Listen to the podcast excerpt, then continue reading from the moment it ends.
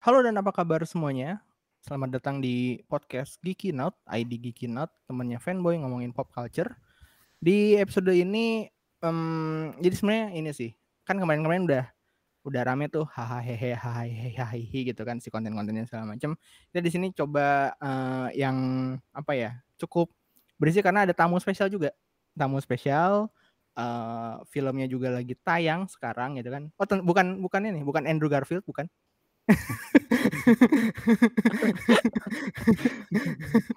Bukan Andrew Garfield, santai aja itu nanti aja ya habis habis ini semua kelar pas satu spoiler bandnya udah dilepas be bebas sama ngomong kayak gitu. Jadi ya masih bersama gue Awe, sama gue Cacing, sama aku Kis. Hanya ada di ID Geekin Out. Powered by NPC Network. Network.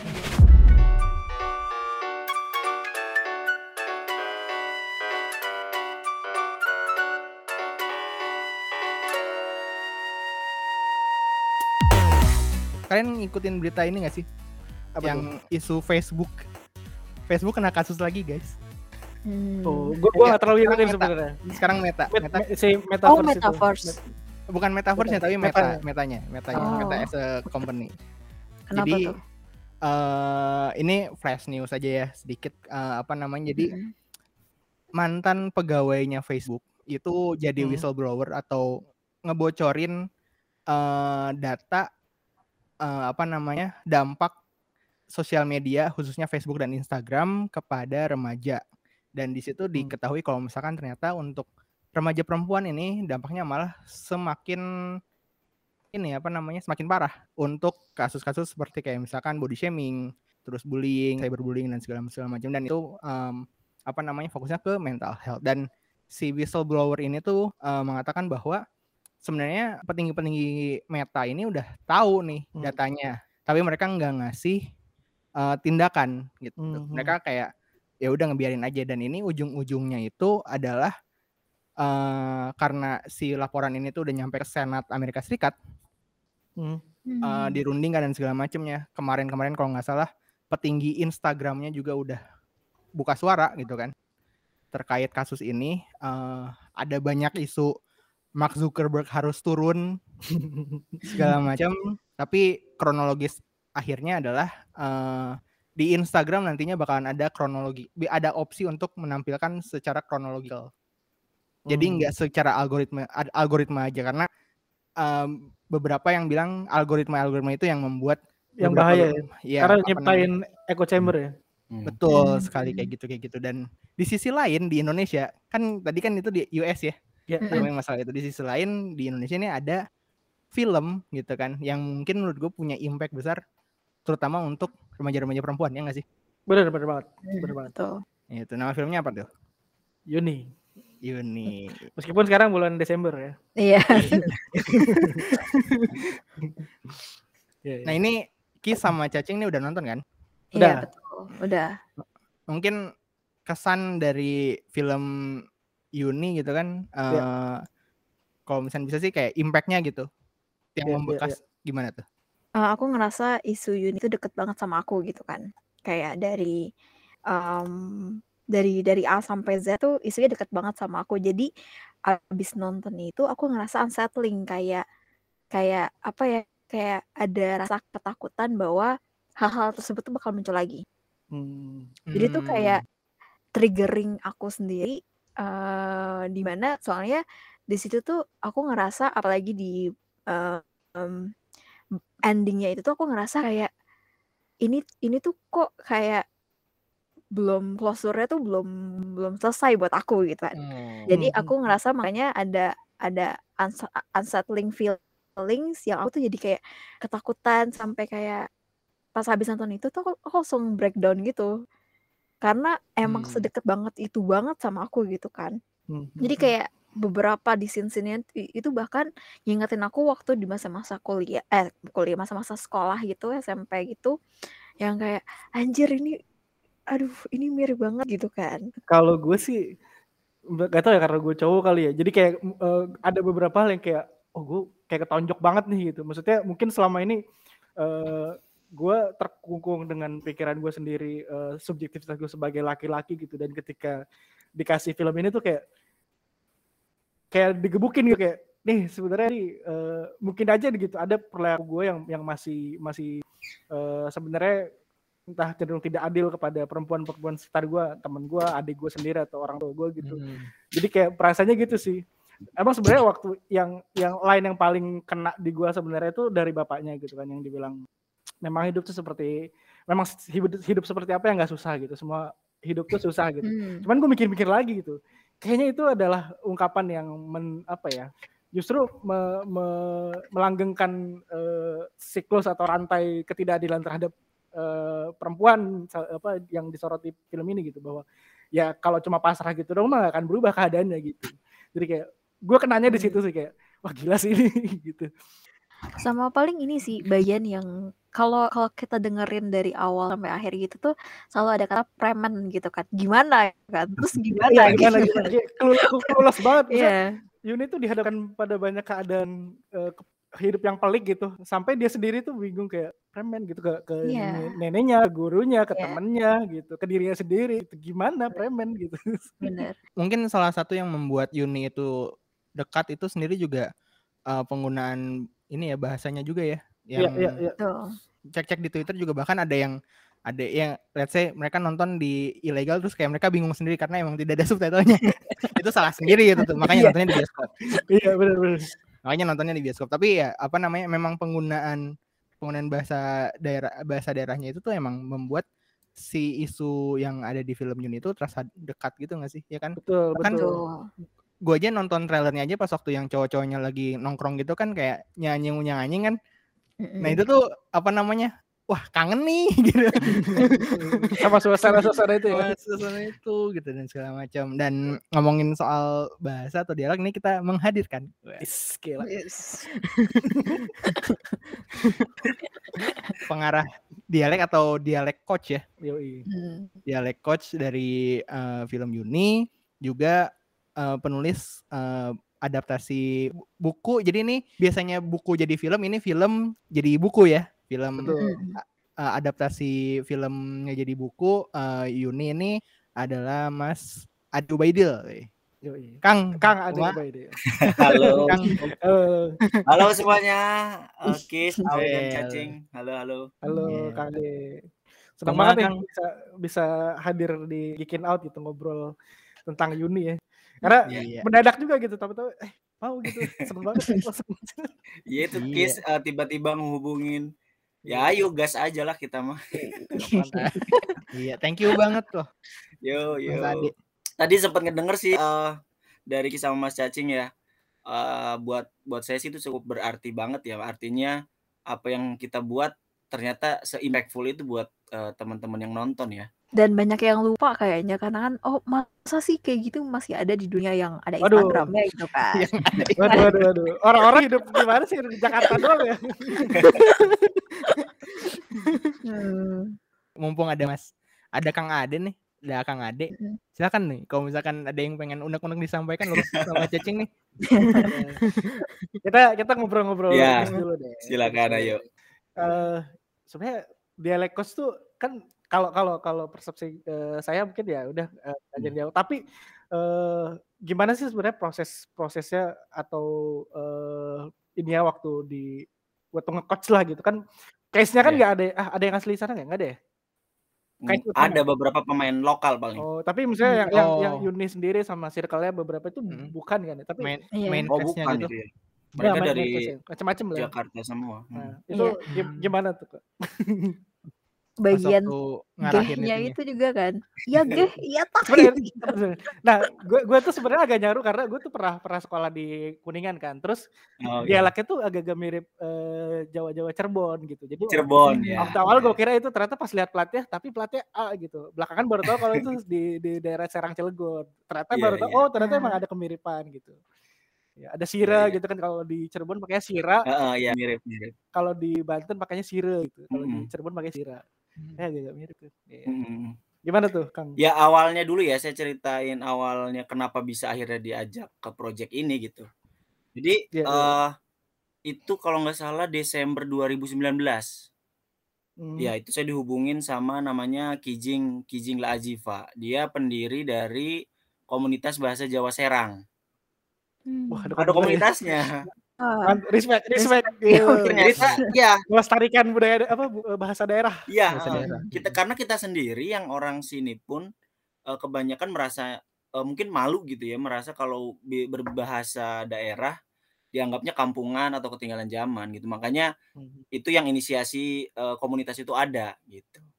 Nah, kemudian eh, di 2000 sebenarnya riset film ini sendiri dari 2018. uh, Dari 2018 eh, dan syuting pertama pilih- pilihannya bukan di Banten. Oh iya. Awalnya di Cirebon bener tebakannya. Oh iya. Oh. Iya. Jadi emang awalnya dari, Cirebon karena eh, Mbak Dini kan eh, sering ya kalau diwawancara dapat inspirasi dari mana dia dap- selalu jawabkan dari eh, asisten rumah tangganya yang orang Cirebon itu di mana anak dari si asisten rumah tangganya baru lulus SMP sudah menikah dan sudah punya anak kalau nggak salah Wah, luar biasa. gitu jadi itu yang menggerakkan Mbak Dini akhirnya eh, tertarik untuk menuliskan kisah ini gitu. Ketika riset di Cirebon eh, itu kan masih mencari ya. Ternyata waktu lagi mampir ke Banten kok mirip-mirip gitu. Apa yang dia temukan di Cirebon ternyata ada juga di Banten. Artinya eh, secara universal cerita ini tuh bukan cuma ada di daerah Banten ya Hmm, hmm. itu yang harus kita eh, klaim gitu Iya, iya, karena iya. beberapa orang Cileg apa orang Cilegon, orang Serang, atau orang Banten sendiri kayak agak enggak terima juga loh.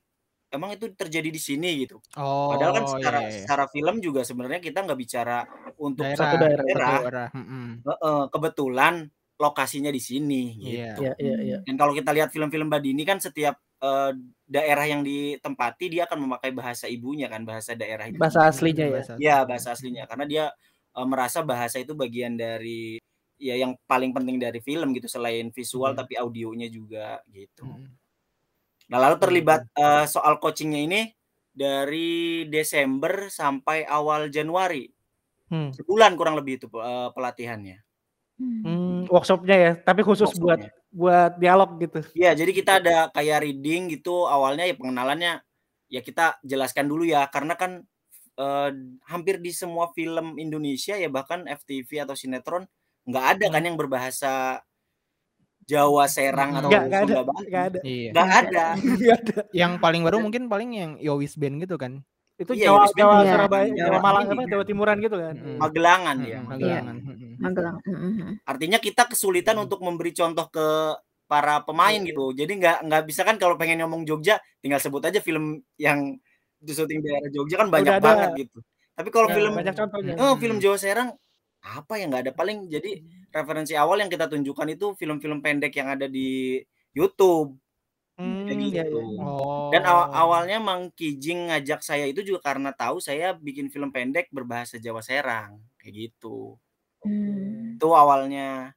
Jadi ke, eh, ya itulah setelah eh, pertemuan pertama dengan beberapa pertama tuh ketemu sama Ara ya Arawinda, eh, Dimas Hmm. Aditya sama Mbak Marisa Anita. Itu kita baru bertemu tiga orang dulu tuh di awal-awal tuh. Ya yang kita jelaskan tadi karena eh, kenapa terdengar seperti Cirebon memang benar gitu. Maksudnya Banten itu kan akulturasi ya dari eh, Cirebon dulunya kan daerah jajahan. Ini kan secara sejarah kan seperti itu ya daerah Hmm. jajahan dari Ya, ya, ya. Cirebon. Makanya ada mirip-miripnya. Cuma bedanya kita logatnya logat Sunda gitu. Hmm. Hmm, iya, iya. Awalnya film ini nggak mau bahasa eh, Banten karena repot banget gitu. Mbak Dini juga bakal PR nih.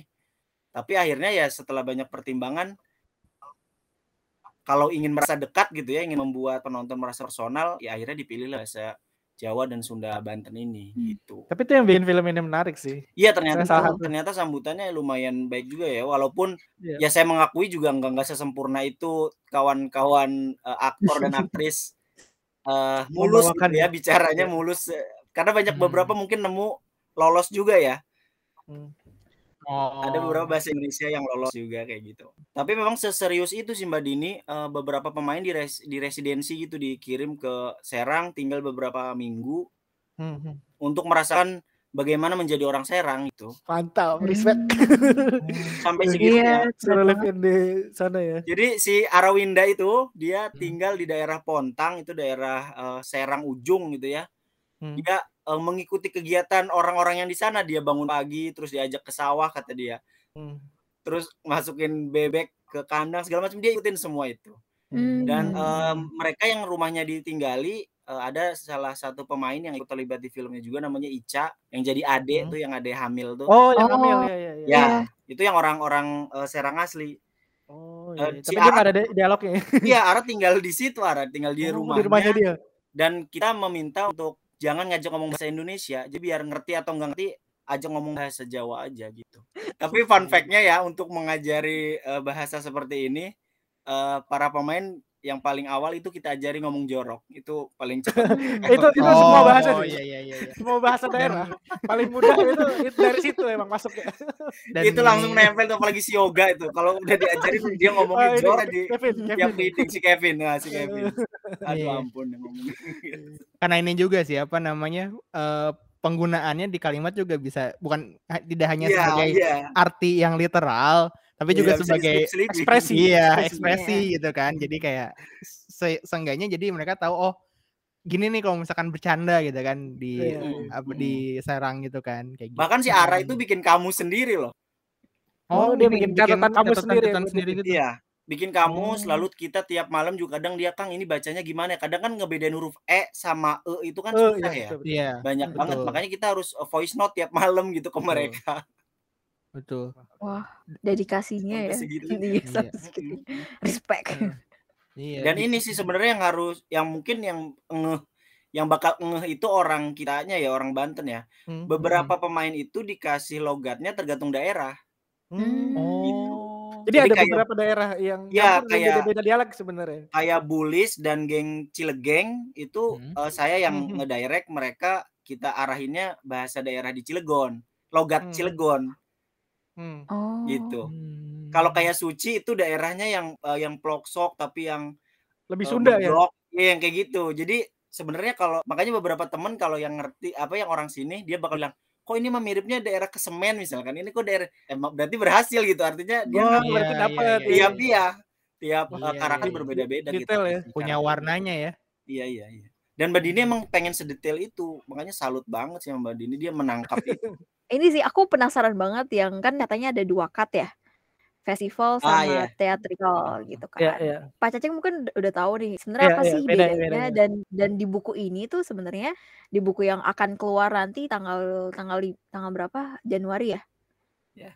Preordernya. Nah, itu tuh em, mana bagian mana yang sebenarnya di capture ceritanya? Apakah di bagian pas festivalnya sesuai festival cut atau di yang di Theatrical. sinema-sinema gitu sih? Heeh, theatrical.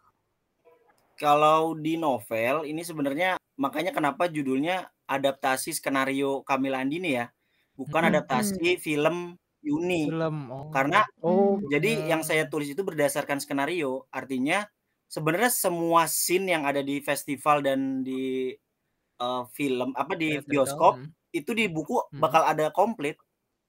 Hmm. Bahkan ah, bahkan ada beberapa hal yang kemudian saya kembangkan dan Mbak Dini eh, sangat terbuka ya untuk hal ini. Jadi silakan aja kalau ada yang ingin dikembangkan dari cerita eh, sebenarnya nggak apa-apa gitu. Maksudnya kan kenapa dia percayakan ke saya karena saya orang sini eh, dia anggap saya lebih mengerti wilayah saya sendiri jadi boleh menambahkan menambahkan sesuatu. Bahkan kenapa menarik ya. kenapa Yuni suka ungu suka ungu Nah, aja itu saya bikin backgroundnya. Wah, keren, keren. Itu, itu, itu, itu. Oh. Jadi Itu, itu, itu. jadi nggak kan sabar baca. kemarin kemarin sempat ada ada space yang ada eh, Mbak Dini kan dan di, Iya. ya ada pertanyaan soal itu kenapa dia suka warna ungu. Iya. Kalau alasan eh, benerannya kan dia cuma terinspirasi dari temannya yang bener-bener suka banget sama warna ungu. Tapi Iya, belum ada tuh yang bener-bener ngejelasin. Dia emang nggak ngasih tahu secara cerita kenapa Yuni suka warna ungu. Iya. Tahu-tahu ya udah dia seneng banget sama warna ungu. Iya. Yang sampai saking seneng ya eh, di scene awal kan dia la- lagi pakai baju dan itu dilihatin pakaian dalamnya pun warna ungu. Yang itu pun nggak kelihatan sama Iya, orang kan. Padahal kayak itu Ih, saking cintanya ungu gitu. Iya, Emang se-freak itu Yuni. freaky. Pokoknya semua yang bisa diungu ungu lah. Beli beli deterjen harus yang warna ungu. Ungu. Minum Iya. harus yang rasa anggur biar warna ungu. Ungu. Jadi sebenarnya novel ini saya bikin mudah-mudahan biar nanti Iya, ada spin off, ada series keren, gitu. keren. Iya. Menarik, menarik. Yang tidak terjawab terjawab itu gitu. Iya, Satu gila, kesempatan. Itu sih. Soalnya kan kayak jarang banget nih kayak ada adaptasi kayak dari film ke buku biasa Iya. sebaliknya kan. Tentang buku ya, ini udah dijawab soal, eee, bahwa ini cerita justru dikembangkan gitu, Iya, dari dikembangkan. dari film ke bukunya. Jadi justru ini buat penonton filmnya ada tambahan hal baru yang bisa dibicarakan dan buat yang belum nonton jadi jadi justru dia kenal Yuni dengan versi buku tuh ya mena menarik juga gitu karena ada sesuatu yang beda kayak gitu ya. Mungkin, eee, spoiler-nya satu aja, ada Yuni kecil. Oh, oke ada flashback ya, ada flashback. Oke. Penasaran. Ini saya belum bicara di mana-mana nih karena takut Wah. spoiler juga. Wah. Udah di sini aja lah. Karena Alhamdulillah udah mau terbit. alhamdulillah udah PO. Alhamdulillah ada PO. Thank you thank you. Iya iya. Nah, ini pertanyaannya Kis kayaknya deh, tapi gue yang tanya deh. Boleh boleh. Dari karakter-karakter yang ada di Yuni, mana yang paling deket sama Kang Ade, apa pun ya itu secara, eee, karakter Mmm. dan yang mana yang, eee, dipengenin ada di kehidupan Kang Ade gitu, entah jadi teman atau entah jadi apa pun dia gitu, si karakter itu.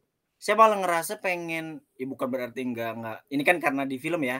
Saya tuh Iya pengen banget punya, eee, temen berbicara seperti bapaknya Yuni deh. Mmm, sama sama.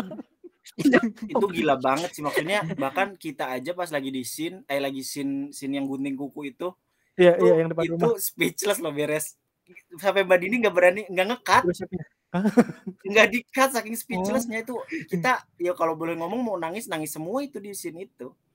Iya iya. Iya, Hmm. Dan yang yang fun Mhm. fact-nya, eee, trivianya mungkin ya, Mas Rosa itu, eee, acting coach-nya. Hmm. Oh. Semua Oh. pemain. Oh. Dia munculnya dikit ya, tapi bener-bener berkesan gitu. Iya, ya memorable gitu loh. Itu kalau ada di dunia nyata Bener. dengan pikiran-pikiran polosnya tapi, eee, bermakna gitu ya, ya Iya iya. kayaknya seru juga Orangnya gitu. bersahaja banget ya. Iya, bersahaja banget. Iya. Dan bahasa yang dia gunakan itu sangat serang sekali. Wow. Kita aja kita aja nggak tahu ini belajarnya di mana ya, maksudnya nggak nggak kita secara kayak pemain yang lain gitu, Iya iya. tektokan nggak pernah. Jadi, eee, beliau sibuk ngurusin yang lain, ngurusin artis kan, dia dia apa, acting-acting-nya. Tapi ketika take bagian, eee, Mas Rosa sendiri, loh kok bagus banget dibanding yang lain. Jadi riset sendiri, kan emang, eee, dosen kan di ISI kan, dosen teater. Oh. Pak Cacing gimana? Siapa tokoh yang paling dekat? Iya, coba siapa ya? dari kalian gimana? Siapa ya? Sebenarnya bap ya itu, eee, salah satu yang paling berkesan sih bapaknya Yuni ya. Cuma kalau kalau selain bapaknya Yuni itu, sebenarnya karakter Yuga juga menarik banget sih. Maksudnya, Mmm. eee, gue tuh kayak punya, eee, orang, eee, gue mungkin pernah ada temen yang yang kayak gitu gitu, yang anaknya tuh sebenarnya eee, tahu dia tuh pengen apa, cuman kadang tuh dia terlalu takut gitu untuk, Mmm. eee, menyuarakan apa yang dia inginin. Tapi ya ketika itu, eee, ada ada pelu ininya gitu, ada kesempatannya gitu, dia ya akan dengan sepenuh hati gitu, Iya. eee, apa ya, me Membantu ya. membantu gitu segala macam kayak gitu. Itu si Yoga sih sebenarnya juga lumayan ini sih, lumayan berkesan sih karakternya gitu. Meskipun Dan dia perubahan ngom perubahan ngomongnya karakter dia itu iya iya, perubahan karakter banget ya. development-nya dari dari apa yang dia alamin gitu kan, dari sebelum dia bisa berkomunikasi dengan Yuni, terus pelan-pelan dia dia Iya. akhirnya, eee, kenal sama Yuni dan akhirnya dia ya udah menjadi Yoga yang seperti itu kayak gitu akhirnya. Kis gimana Kis? Kalau Kis gimana Kalau aku paling deket sama aku mungkin Yuni ya. Dari Mmm. maksudnya aku aku merasakan rebel-rebelnya Yuni tuh aku banget gitu. Hmm. Dan dan di kehidupan aku tuh yang nggak ada tuh mungkin, eee, Yoga sama gengnya si Oh, apa, iya. Ci Chili Gangs itu. Cile Gang, Gangs. iya. Gitu Iya sih. Mungkin kalau misalnya aku berada lagi di tahun saya SMP gitu tuh, ketika aku ngalamin hal yang hampir mirip sama Yuni, Hmm. aku pengen banget tuh ada orang kayak Yoga sama Iya. kayak geng itu gitu, untuk Mhm. untuk apa namanya, ngebantuin gitu loh. Iya. Kayak gitu sih. Itu sih menurut aku, ya paling deket lah. Kayak gitu. Ini nggak ada yang mau mau sama Suci Cute nggak? Tapi Itu juga sa suportif sebenarnya. iya bener. Somehow aku tuh dapetin sosok, eee eee, siapa namanya, Suci. Cute itu, Suci. Suci Iya. itu tuh, itu tuh di teman main game. Oh, Jadi iya, iya. dan Jadi semacam short, Iya. escape gitu ya, Iya. short, short escape gitu. iya benar. Sebenarnya dia nggak nyelesain masalah kita, dia mungkin punya Heeh. masalah lebih berat gitu. Benar. Tapi dia bisa jadi teman buat kita lari dari Iya. kehidupan yang melelahkan gitu ya. Benar. Ya buat teman gila-gilaan aja. Iya, Benar. benar. Itu menarik. Dan asmara Abigail tuh keren banget sih kayak wah apa Dia namanya? mau jadi apa aja kayaknya Iya, keren deh. Bung Lon bisa kayak. Dia sampai segini maksudnya temenku kan nonton filmnya si Abi ya, Asmara Abigail dia nonton hampir semua filmnya. Tapi setelah beres film dia baru ngeh kalau itu ternyata Asmara Abigail gila Ah, enggak? Gue gue sempat gak segitu. ngeh juga itu dia. Sampai Gue kayaknya baru yakin itu dia waktu adegan terakhir yang nyanyi-nyanyi loh. Sama satu lagi Bulis. Bulis, nggak bulis. aku tuh literally nggak ngeh kalau dia itu tuh Marisa. Marisa Anita. Enggak ada yang tahu itu Marisa Anita. Temenku yang jadi ekstras ya pas lagi syuting di sekolahan itu, Eh. dia kiranya itu yang jadi guru katanya orang Serang sebelah mana kok saya nggak tahu. Apa yang dikira orang lokal ya? saya ceritain ke Mbak Marisa dia ketawa pas pas ini ini Mbak Marisa kata yang pernah wawancara Bu Jokowi. Oh Mbak Marisa yang itu ya dia kaget kan nggak pernah kerudungan kan. Eh tapi yang versi festival sama eh udah bilang ya tadi versi festival sama bioskop kan beda ya Iya, endingnya bahkan endingnya beda. Iya, iya. Cuman sebenarnya secara eh, substansi sebenarnya masih sama, tapi Iya, kayak sama lebih ke ini aja, lebih ke oh satunya tuh lewat apa diceritain satu apa. Iya intinya mah sama gitu. sama intinya. Intinya mah sama. Eh, yang bedain kan lebih banyak fokus ke Yuninya kan Iya heeh, benar benar. Nah, yang versi teater kali ini eh, menyenangkannya karena kita juga dapat sisi-sisi lain cerita-cerita lain yang sebenarnya punya masalah juga kayak gitu. Tapi yang Secara menjadi lebih panjang sih. secara waktu juga kan berbeda ya Iya. durasinya. Durasinya- Durasinya lebih panjangan di bioskop kan. Beda setengah jam.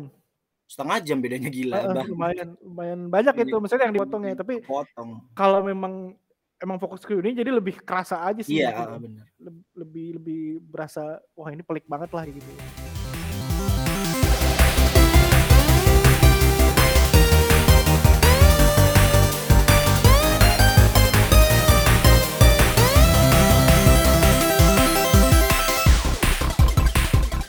Selama pengerjaan filmnya Hmm. ada atau bukunya deh eh, Iya. sekarang yang lagi udah udah selesai berarti kan bukunya ya? Udah udah. ada nggak eh, trivia-trivia lain yang belum disampaikan yang kira-kira bisa di-share gitu yang menarik dan membekas buat Kang Ade? Ya banyak banyak pemain yang emang didapat dari jalanan aja sebenarnya. Oh gitu. eh mau main film nggak? Oh, gitu. Jadi misalkan kayak pedagang-pedagang, dah pedagang-pedagang itu eh, mereka nggak disiapkan, artinya nggak disiapkan secara properti eh, harus kayak gini kayak gini. Jadi ketika Ya ngecek lokasi, lo kok ada pedagang ini, pedagang ini, akhirnya dihubungin, Mas nanti besok datang lagi ya jam segini, jam segini gitu. oh gitu. Emang yang nggak disengaja. Padahal awalnya mungkin Iya. eh, ini ya kayak wah ini kayaknya rame nih syuting nih jualan ah gitu kan. Iya. Ya, biasanya kan kalau syuting banyak yang nonton gitu kan. Iya. Aja aku nih dagang laki nanti diajak main. ya. iya ternyata diajak main. bener ada yang kayak gitu. Jadi Ini beli cilok kan. Ya, namanya lagi- Ini beli lagi cilok. syuting ini Iya. kan kita kan syuting tuh kalau nggak salah 17 hari ya. di Hmm. pas yang lagi scene salon atau scene pasar itu itu Hmm. ada yang moto-moto kan walaupun kita udah cegah nggak boleh di share kan adalah satu dua yang bocor ya di media sosial Oh gitu. mereka bilang lagi ada syuting nih di pasar Rau itu banyak yang datang casting Hmm. dadakan Oh. tapi sama iya. Mbak Dini diladenin kal- karena emang beberapa kan mendukung makanya ada satu dua yang jadi cameo apa yang jadi figuran ada Cameo-cameo dadakan ya. iya yang yang sama Suci itu yang joget-joget kalau nggak salah itu bagian dari yang eh, cameo dadakan deh Oh, iya. Oh, Jadi iya. mereka datang emang udah niat datang dengan dandanan, dengan pakaian-pakaian yang mereka kayaknya biar mencolok gitu. Hmm. Tapi ada berhasil. Iya, iya, keren, keren sih. Maksudnya ide dan ide mereka naik motor di lorong pasar Iya. tuh keren sih. Iya, Bener-bener apa ya eh, gambar kebebasan kayak udah amat naik- mau, mau, berbuat sesuka gue Tapi di pasarnya emang banyak boleh loh kayak gitu naik Maksudnya motor. unik banget gitu kayak di tengah lorong pasar tiba-tiba naik motor kung gitu. yang ada di trailer boncengin gitu. gitu. Iya, iya, iya. Nah, gitu. Kalau waktu riset bukunya atau nulis eh, bukunya dari adaptasi ada Hmm. ada hal menarik gak yang apa ya bisa di share gitu? Apa ya nggak nggak ada sih karena bukunya sebenarnya harusnya selesai lebih awal ya. Ini saya tuh gara-garanya gini loh. Ini Yuni kan dapat penghargaan lagi, dapat apa ikut Heeh. festival lagi di luar. Saya ragu-ragu, ini Mbak Dini bakal terusin ke saya atau takut ada penulis yang lebih punya nama Oh, iya, gitu. Udah kelarin aja, kelarin duluan gitu. iya, saya saya selalu minder sendiri. Makanya pas lagi ada screening di Cilegon, Uh. saya tanya Oh lagi. iya iya iya. Yang pas Iya lagi ada Iya. screening Cilegon bulan Oktober kalau Oktober ya, ya. Itu sehari setelah Jakarta, Mbak dua hari gitu. Iya ke Mbak Dini sama Mas Iva, Mas beneran nih saya yang lanjutin. Loh kok kamu masih nanya katanya itu selesai segera. Karena di di screening awal itu kita belum belum tahu mau terbitkan ke mana. Iya iya iya. Hmm. Akhirnya Itu gra- diterbitin Gramedia ya. Gramedia sendiri yang ngehubungin kita. Hmm. Setelah poster iya. awal keluar, mereka nanya, eh, kan eh, editornya kan ada yang kenal ya ke ke, ke saya Mhm. nanya, dia itu sayang amat ya kalau eh, nggak dibukuin ya. Kamu tahu nggak siapa yang Hmm. ngebukuin? Dia gitu. Saya gitu. Ini saatnya saya sombong nih ya. Gitu. Flexing.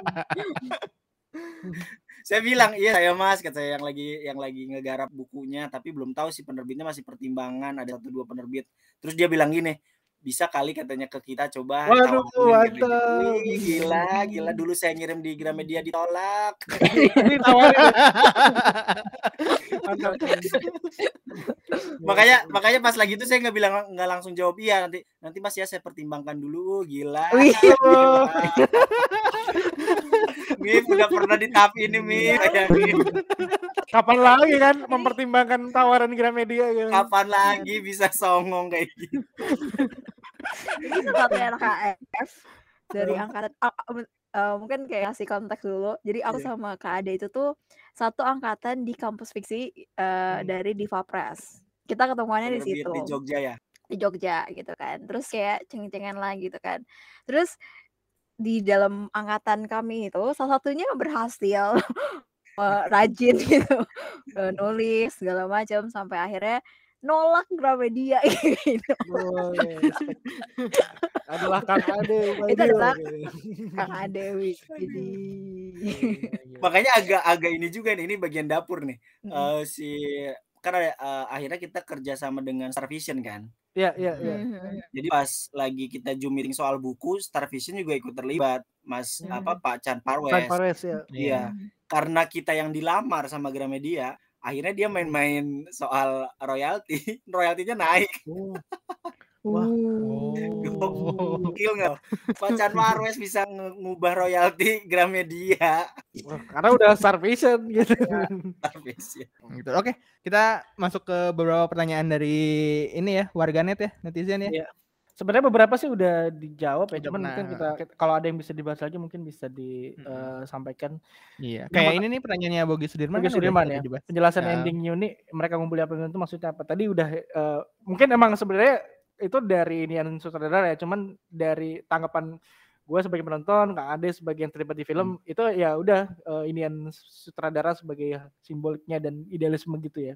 Terus pertanyaan dari eh, Ed Sofauh satu. Apa yang melatar belakangi ambil sharing di Serang, Banten? Terus kok Bulis mau dia makrab? Oh ini udah dijawab juga sih. udah Tadi Iya. yang tentang tempat itu eh, awalnya karena risetnya awalnya pengen di Cirebon, tapi Iya. akhirnya waktu mampir Serang ternyata ditemukan juga eh, kurang lebih cerita yang mirip gitu dan realitanya jadi dan ya tambahannya ini eh, dari Mbak Dini eh, karena lebih dekat dengan Jakarta gitu jadi kalau mau Ya, ada ya. urusan apa-apa mudah mereka eh, untuk mobilitasnya terus dia juga Oh. agak agak takjub juga di eh, sebenarnya di Serang menurut mereka itu eksotis ya gitu ada ada laut ada gunung Ya, ya. berdekatan gitu dan ada pabrik gitu kok kayak nah itu sangat menarik tuh. kontradiktif sekali cuma kok ternyata ada gitu makanya itu yang akhirnya memutuskan untuk ke Serang itu sih Mm-mm. Kan eh, si pabrik itu juga berkaitan dengan cerita kan awalnya kan Iya. Iya, iya. dan dan eh, apa ya secara di di masyarakat di sana ternyata orang yang eh, punya latar belakang terkait pekerjaan itu di pabrik itu jadi Iya, sesuatu yang khusus gitu spesial gitu makanya iya. ini Kayak kalau udah kerja di pabrik tuh udah keren aja Iya, gitu, iya, PNS iya, lah. gitu. iya kayak PS. Karena yang dekat dengan mereka ya pabrik. Jadi orang yang Iya, punya mm, kerjaan di pabrik itu settle nih gitu. iya. Selanjutnya bagaimana dari Venusions? Bagaimana pendekatan yang dilakukan Kang Ade untuk membantu pemain yang bukan warga asli Banten belajar bahasa Jaseng? Ada tidak ce- cerita menarik selama menjadi dialek coach film unit? Terima kasih. Sebenarnya udah banyak ya tadi. Mungkin Mm. mau ditambahin lagi Dari Kak lagi? dari Kang Ade?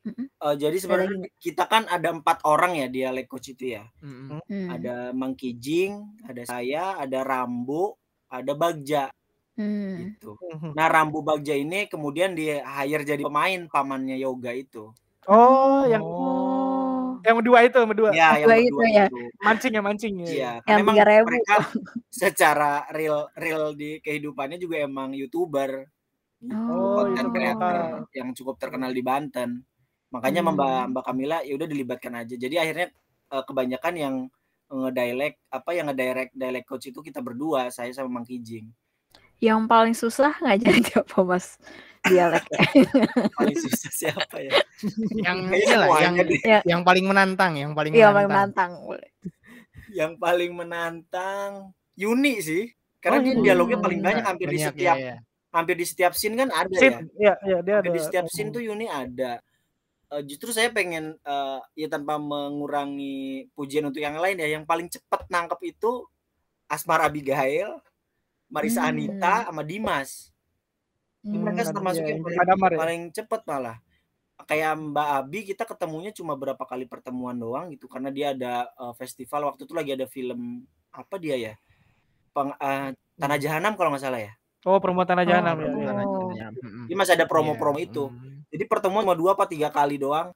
Tapi ternyata dia nangkepnya cepat itu. Walaupun terus kita Hmm. kita direct dengan uh, voice note tetap kayak gitu. Karena kan gini, eh, dari semua dialect coach kan laki-laki semua. Oh, itu yang dianggap eh, sama Ara buat kita kesulitan karena mereka ingin ada eh, secara logat kan logat kayaknya logat cewek sama cowok beda deh. Jadi makanya beberapa Betul. saya minta eh, saya punya eh, kakak perempuan, saya minta dia suruh ngomong, ngomong aja baca aja skrip nih. Terus nanti kita kirim Mhm. ke mereka gitu.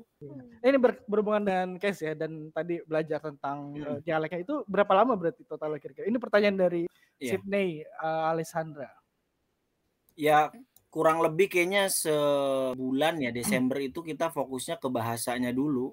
Hmm, iya iya. Jadi eh, pas lagi reading kita emang fokus ke soal dialek, nggak nggak kita nggak ngomongin acting, nggak ngomongin apa, kita fokus untuk dialeknya dulu.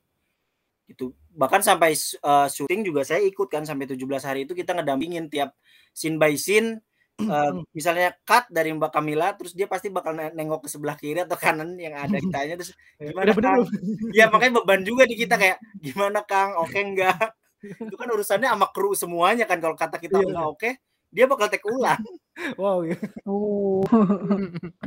Bebannya beban gede. buat kita. Kalau ngulang mulu jadi musuhnya kru nih. Ah, ini ngulang Iya. gara-gara dialog doang nih.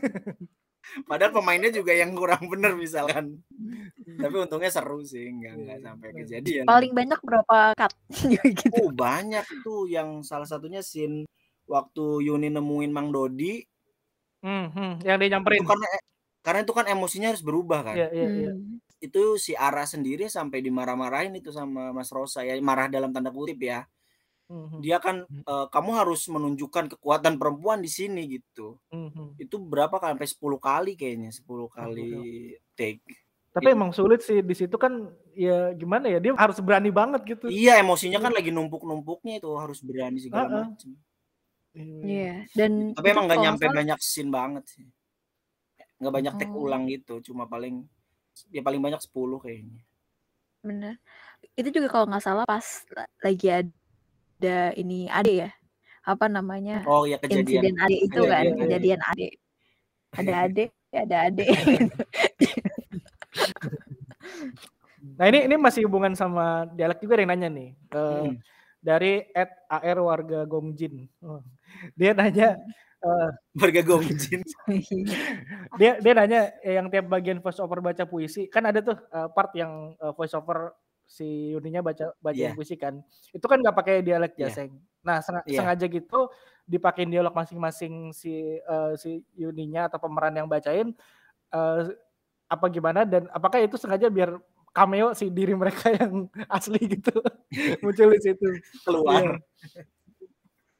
Ya itu kayaknya sengaja deh. Hmm.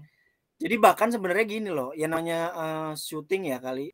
Banyak suara-suara yang pas lagi syuting itu nggak nggak dapat bagus lah untuk Mhm. di scoring ya. Jadi eh akhirnya rekaman ulang beberapa pemain itu pakai suara ulang itu Oh di ini apa di voice over di Dubbing. gitu. iya Dubbing, ditimpa dubbing. ditimpa Hmm. gitu jadi kalau emang baca bahasa Indonesia kayaknya itu pilihan sutradara deh karena nggak nggak minta diubah juga puisinya jadi bahasa Jawa kayak aneh banget jadi Iya sih. Mungkin emang karena pembacaan puisi jadi eh, apa oh ini bahasa Indonesia jadi ngomongnya bahasa Indonesia biasa gitu. Iya. iya Tapi mantep kok oh pembacaan puisinya tuh menurut aku kayak sebenarnya nggak ada nadanya nggak terlalu gimana gimana tapi Hmm. Sesuai lah ya porsinya. gitu ya. Porsinya sesuai dan Emosinya, pas. iya. Ya nggak nggak dilebih-lebihin tapi pas dengan dengan apa Pas. yang pengen disampaikan dan adegan yang ditampilkan gitu ya. Betul. Apalagi Kevin. gitu. Kevin Ardilova. Kevin. tapi banyak yang menyayangkan kenapa Kevin gak masuk nominasi FFI ya Oh iya. Harusnya dia bisa menang. Iya. nantilah banyak masih banyak kesempatan Iya, dia juga main di itu tuh PT Dendam Iya. keren keren juga Iya. tuh. Iya dulu. itu. Makanya di situ pengen, pe- pengen dibahas ya guys. itu boleh fanfic sih. Eh, Enggak, enggak, ini ini ada ini aja, ada komentar netizen aja yang bilang Iya, benar. sebenarnya sebenarnya Yuni ini se- sebelumnya Kang Ade udah nonton Spring Dendam belum? Saya baca novelnya tapi filmnya udah turun di sini Oh, oh tapi udah tahu Oh. kan, udah tahu udah tahu, tentang tahu. karakter Mono Ompong Iya, kan? ya mau ompong Iya. tahu. Nah, ad- ada yang bilang kalau eh, sebenarnya ada benang merah tuh antara karakter yoga di Yuni itu sama karakter Mono Ompong di eh, seperti di dalam Dendam. apa emang sama-sama pelbur. Tahu. ini ini yang udah nonton Yuni pasti enggak nih maksudnya. Dan Iya. tahu istilah pelbur dari seperti dendam pasti enggak sih? Kayak Iya benar. Kasian juga ya. Dan, dan ternyata pengalaman dengan Yuni mem- yang membuat dia berpetualang menjadi mono ompong. jadi, Kayaknya gitu. jadi gagal sama Yuna akhirnya liar Oh. hidupnya. Akhirnya Iya. aku memutuskan untuk berpetualang mengelilingi Pulau Jawa sebagai kenek truk. Iya. Iya. Aduh, liar banget. Terus di situ juga si apa namanya yoga juga berantem kan. Oh iya, iya, iya. Iya. Iya. Makanya ada hari ini deh kalau nggak salah ada penayangan bareng kan itu Oh iya, iya. Eh, benar. Selasa, Selasa. Selasa minggu depan. Hari Selasa, besok, Eh, besok. besok ya. Selasa ini ya. Iya. Oh iya. Di versus kan kan mereka Iya, Iya. itu di, di apa namanya di maratonin gitu. Jelita ditemuinnya sama Suci. Masuk. Oh iya. Aku pengen nonton tapi besok kerja. Kira-kira itu ya eh, Ya. pembahasan tentang Yuni. Gue juga tergugah sih dan nyatet nih, langsung nyatet nih Oh, tadi apa-apa apa aja tuh yang harus diperhatikan pada saat nonton gitu. Kalau kelewat nonton ulang mungkin. Referensi-referensi yang kelewat karena apa namanya ya eh, nggak cuman film-film yang nerd geek itu kayak superhero film yang banyak fun fact-nya ya tadi aja udah banyak banget tuh Banyak trivial-trivial yang Iya. yang mungkin bisa menambah apa namanya bisa jadi kalau misalnya kalian baru denger ini lan- lang- langsung nonton jadi tahu oh ini gini tahu kalau misalkan kalian udah nonton duluan juga kayak oh ini tuh maksudnya ini dan segala macam segala macamnya bisa jadi diskusi dan ya kira-kira eh, gitu thank you banget nih Kang Ya, Ade Makasih banyak Kak Saya Ade. juga yang pasti banget sama Kis, Awe dan Mas Cacing semuanya. Thank you Iya. udah invite saya di sini. Ya, ya. sukses-sukses untuk eh, ininya ya, buku adaptasi skenario eh, Yuni Yuni. Amin, amin. Mm. Mm-mm. Sukses semua. Eh kira-kira itu aja untuk Kis sama Cacing mungkin ada ini Apa? arahan lain. Arahan lain. Ya penting ditonton dulu aja lah. Iya, Nonton nonton, dulu yang penting. Yang penting itu dulu. Iya. Nonton dulu. nonton dan PO juga dulu mumpung masih bisa. ya. Betul, betul. Iya. Lumayan. Dapat bonus, dapat bonus. PO sekarang dapat bonus masker tuh. Masker, Masker ini sama strapnya. Wis. Ungu. Mantap, Keren. mantap kali. Oke, eh thank you banget yang udah dengerin. Eh jangan lupa buat follow kita di sosial media at ID Geekin Out Twitter dan Instagram dan follow juga podcast kami di Noise. Yap. Eh, aplikasi Noise diinstal aja gratis di Play Store dan Oh, dari noise ya? di App Store. Saya pendengar Ada di noise. Noise. ya? Ada juga. Ada. Ada Oh, Noise denger- juga. dengerin ada apa. Kang? Saya denger berisik. Oh, Oh, sama. berisik. Dengerin Sama ini, sama apa? Nakama. Si Oh, Ini, nakama. hari- Romance down, romance Kita juga down. sering Romance muncul Down. di Out. Berapa episode kemarin kita ada di Out juga. Eh di Oh. di apa? Di romance down. Romance Down Out. Iya. Di sini banyak yang suka One Piece. Iya. Oh, One Piece lover. Saya juga novel lovers nih. Iya. Baru tahu nih Kang Ade. Oh, another. Wah, kita ketemu nih. Menit akhir, enggak apa lah. Mungkin Iya mungkin nanti kita ada episode bahas One. Piece kali ya bareng sama Iya. siap, siap. Saya punya banyak teori One Piece Wah, soalnya. Sudah. Wih, Ntar bisa saya kenalin ke, ke apa Mas Arejo siapa Iya. Wah iya tuh senang senang Iya. dengan senang hati siap. Mantap, Boleh, mantap, mantap, mantap. Oke. eh ini kira-kira itu aja untuk episode kali ini. Eh gua always sign out. Gua cacing sign out. aku sign out. Thank you banget Kang Ade. Kita ketemu lagi Thank di you, episode teman-teman. berikutnya. Dah. Bye-bye. Ya, bye.